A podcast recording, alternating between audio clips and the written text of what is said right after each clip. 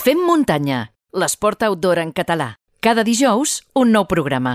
I ara passem per la consulta del nostre coach esportiu de capçalera, el Guillem Marchal, és llicenciat en Ciències de l'Activitat Física i l'Esport i Master Coach per la International School of Coaching. Molt bones, Guillem.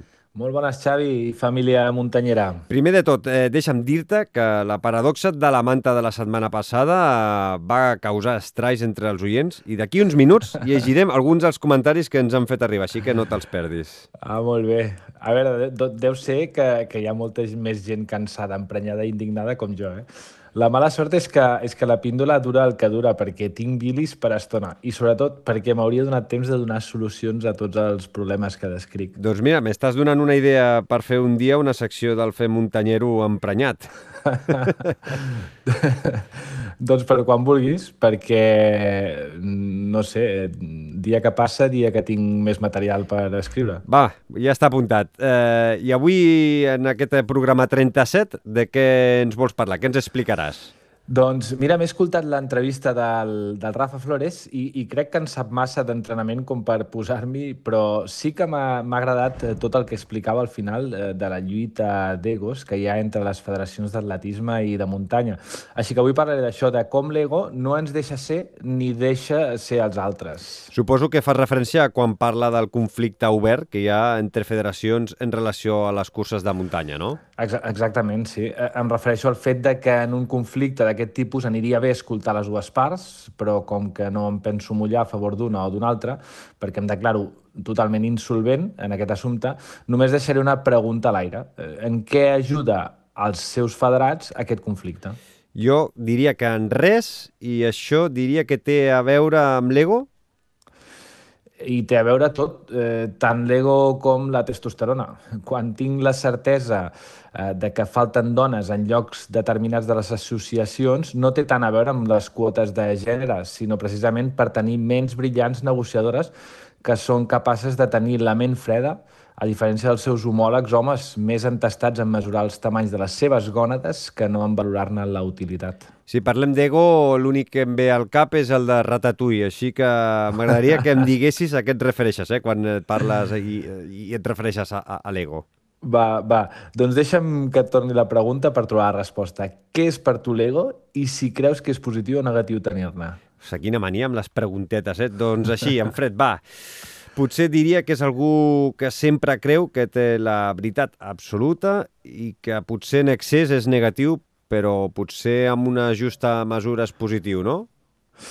Bueno, vas ben encaminat. L'ego és una exaltació desmesurada del jo. Per tant, coincideixo amb tu, amb la teva definició, perquè una persona egòlatra, per definició, és egoista i egocèntrica en quant a que només pensa en ella mateixa amb indiferència sobre els demés. Llavors, tenir ego és negatiu o positiu? No ho acabo de veure. Possiblement et trobis gent que et digui que tenir un ego controlat és bo, però no hi estic gens d'acord. Eh, l'ego sempre és negatiu, per definició, perquè t'allunya del món i de l'amor. El que és positiva és l'autoestima, i aquesta sí que s'ha de treballar per poder tenir confiança en tot allò que pretenem emprendre. Per tant, l'autoestima d'una persona et dirà que és capaç d'aconseguir un repte, mentre que el seu ego et diria que només ella pot aconseguir-lo. Doncs queda ara clara la, la diferència. I, Guillem, per què creus que aquest conflicte és una lluita d'egos? Doncs ben fàcil. Uh, creieu, uh, amics i amigues del Fem Muntanya, que aquesta lluita beneficia algú més que ells mateixos? La meva resposta és que no. Hi ha una parcel·la de terreny que dona molts beneficis degut a l'increment tan bèstia que hi ha hagut en els últims anys en les curses de muntanya i, és clar, renunciar a la quota del pastís de cadascú és molt difícil. Més i quan cadascú creu que el pastís l'ha inventat ell. Aquí és quan l'ego de l'atletisme entra en batalla i defensa que el fet de ser una cursa on es corre els dona tot el dret sobre ella. I de cara es troba l'ego de la FEC dient que tenint en compte que es fa a la muntanya són ells els que en tenen tot el dret. Al final, fem muntanyeres i fem muntanyeros, no us enganyeu. Tot és un tema de pasta, no hi ha més.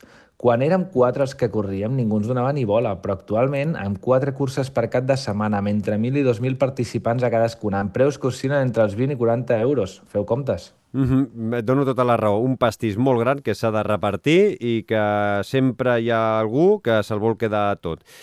I per tu, Guillem, qui creus que té raó? Mira, l'únic que té raó és el soci de cadascuna de les federacions que l'únic que té ganes és de que el deixin córrer tranquil i tranquil·la i que per una puta vegada en la seva vida vegi algun benefici en les quotes que paga, perquè les curses valen igual. Les pistes d'atletisme les hem de pagar igual. Els gimnasos corren al nostre compte sense cap descompte. Els serveis professionals com els fisios, nutricionistes, entrenadors, coaches o psicòlegs van directe a les nostres butxaques. Entenc, doncs, que als socis i sòcies els importa un raba aquest conflicte en quant a que ells no en veuen cap benefici, perquè si no ja farien ells i elles per decantar la balança cap a una banda o cap a l'altra. Doncs així no hi veig, eh? Una solució evident. És possible? No, sí que n'hi ha una. Sí? Eh, tenir una mica d'empatia i actuar des de l'amor. No l'amor físic entre ells en una reunió delirantment sexual, l'amor per l'esport que tant defensen i l'amor pels seus socis i sòcies els que representen les concessions i la unió enfront d'un bé comú que passa per fer-nos la vida més fàcil als que simplement volem córrer una cursa. Més clar, l'aigua, Guillem. Eh, com sempre, moltíssimes gràcies per aclarir-nos una mica el panorama. Eh, ens veiem la setmana vinent i escolta al final de, eh, del programa que crec que t'agradarà els comentaris que ens han fet arribar, sobretot a través de la nostra comunitat que tenim al grup de, de Telegram. Molt ens bé, escoltem doncs ja- la setmana vinent. Donaré l'agraïment al grup de Telegram. Moltes gràcies i fins la setmana vinent. Visita la nostra web femmuntanya.cat